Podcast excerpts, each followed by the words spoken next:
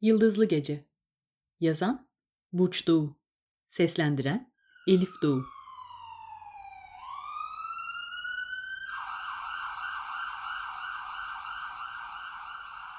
Hastane bahçesine giren ambulansın tepe lambası çardağın üstündeki sarmaşığı kırmızıya boyadı ve konuşma sırası Suzan'a geçmiş oldu böylece.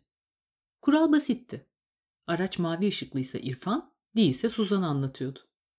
Sırası gelen, üzücü olmamak koşuluyla dilediğinden bahsedebilirdi. Günlük haberler, iş hayatından havadisler, anılar, şiir ve öyküler, hatta yemek tarifleri. Suzan, dün çeşitli ağaçlarla ilgili gözlemlerini paylaşmıştı mesela. Hem de 45 dakika. Sorun değildi. İrfan seviyordu onu dinlemeyi. Tüm gün gelip anlatsın diye bekliyordu. Durmadan konuşulsun. Bir an bile susulmasın. İrfan'ın sessizliğe tahammülü azalmıştı. Suzan'ın olası suskunluklarından kendine mutsuzluk çıkarıyordu. Paralel evrenlerden birinde, dedi Suzan, insanlar iki defa ölüyor. İlki bildiğimiz ölüm, ikincisi ise dünyada isimlerini hatırlayan hiç kimse kalmadığında. Sarmaşıktan çardağa düşen kurumuş dal parçasını alıp avucunda kıran İrfan, bunu bir filmde görmüş olmalıyım diye söylendi. Ama kitaptı belki de. Her şeyi unutuyorum. Çaba harcasan bu kadar olmaz. Geçen hafta kantindeki televizyonda makarna açan birini izledim. Aşçıydı galiba. Hiç kolay iş değilmiş. Keşke kitap okuyacağıma makarna açmayı öğrenseydim diyorum. Bari vaktim boşa gitmezdi. Sözünü unutma. Ambulansın geldiğinde tamamlarsın, dedi Suzan. Gülen yüzünün aksine ciddi bir sesle. Bahsettiğim evrende ölenleri bir trene dolduruyorlar. Şartlar fena sayılmaz. Üç öğün yemek çıkıyor ve her yolcunun rahat birer koltuğu var.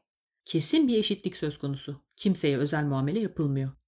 Mesela Napolyon ile dünyadaki hizmetçileri aynı yemeği yiyor. Daha doğrusu yiyorlardı. Çünkü hizmetçiler 10 ila 20. istasyon arasında ayrıldılar. Vakti gelen trenden iniyor. Sistem böyle. Her istasyon dünyada bir yılın geçtiği anlamına geliyor. Kimsenin saati olmadığı için zaman ancak bu şekilde takip edilebiliyor. İrfan başıyla onaylamakla yetinmişse de sistemi bayağı mantıklı bulmuştu.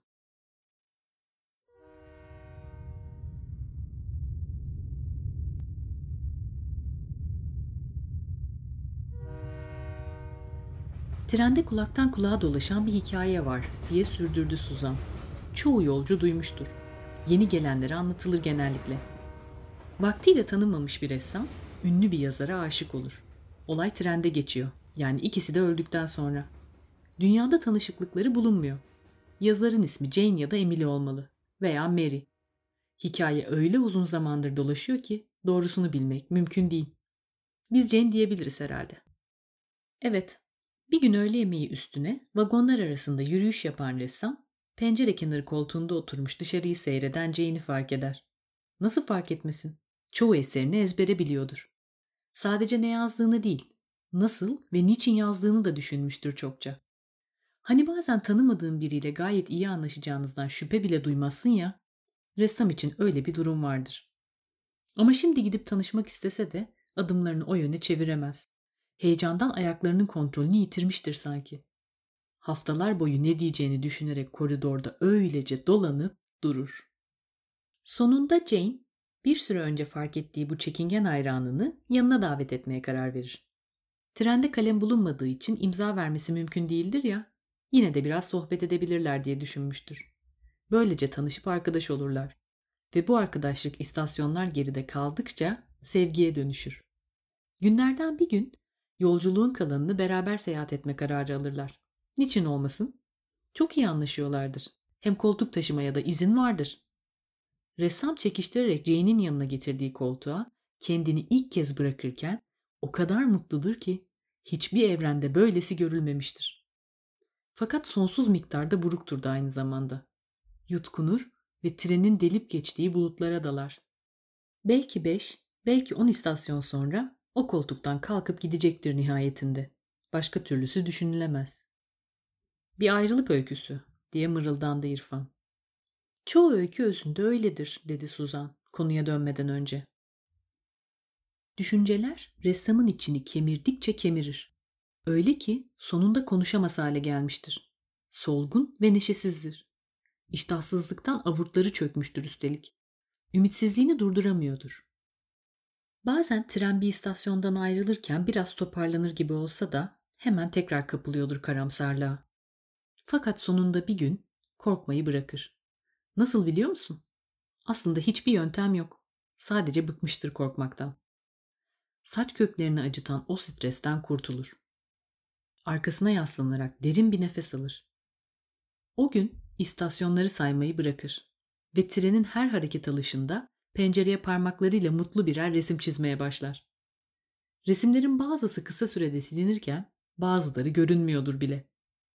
Aslında sadece yağmurlu havalarda pencere buğulanmışken çizilenler bir süre kalıcı oluyordur. Ama yeterlidir ressam için. Çünkü Jane resimleri beğendiğini söylüyordur. Dünyalarca kişi tarafından takdir görmek kadar değerlidir bu. Suzan başını İrfan'ın omzuna yasladı ve şöyle dedi. Ama bir akşam ressam sonun geldiğini anlar. Göz kapaklarında, burun kemiğinde, boğazında ve göğüs kafesinde hisseder bunu. Tren bir sonraki istasyona ulaştığında ressam için son gelmiş olacaktır. Nasıl bu kadar emindir bilemem. Yıldızların duruşundan mı yoksa ayın parlaklığından mı ama içine doğmuştur işte. Paniğe kapılıp Jane'i korkutmak veya üzmek istemez. Kimsenin önleyebileceği bir durum değildir nasılsa. Bu yüzden biraz dolaşacağını söyleyerek ayaklanır ve metanetle ayrılır oradan. Veda etmektense geldiği gibi kaybolup gitmeye karar vermiştir. Ne eksik ne fazla. 3-4 vagon ilerledikten sonra yerlere sürdüğü ayaklarını çıkış kapısına yöneltir. Derken tren durur, kapı açılır. Gecenin ıslık çalan serinliği içeri dolar. Gözlerini yuman ressam dışarı ilk adımını atar. Sonra ikinciyi ve üçüncüyü. Ardından adımlarını sıklaştırır. Hatta koşmaya başlar. Ama hiçbir şekilde ayrılamıyordur trenden. Rüzgar öyle güçlüdür ki ressamı her denemesinde geri savuruyordur. Biraz sonra yakınlaşmakta olan bir çift ayakkabının sesi duyulur ve tamam diye mırıldanır ressam. Sonunda yetkili biri yardıma geliyor. Gelen sahiden de bir yetkilidir. Yani takım elbisesi ve cilalı ayakkabılarıyla öyle birine benziyordur en azından. Adam ressama koridoru işaret eder ve ''Lütfen yerinize geçin'' der ciddiyetle. ''Sizin durağınıza daha çok var.'' Ressam şaşırmış, biraz da ferahlamış vaziyette kapıdan uzaklaşır. Hiç olmazsa artık kovulana kadar buradan ayrılmayı aklına getirmeyecektir. Hem biraz temiz hava almıştır fena mı? Yetkiliye yanıt vermeksizin koltuğuna doğru yürümeye koyulur. Tam vagon kapısına uzanmışken arkasından bir tükenmez kalemin yay mekanizmasının sesini işitir. Pardon Bay Vincent diye sesleniyordur yetkili. Acaba bir imzanızı alabilir miyim?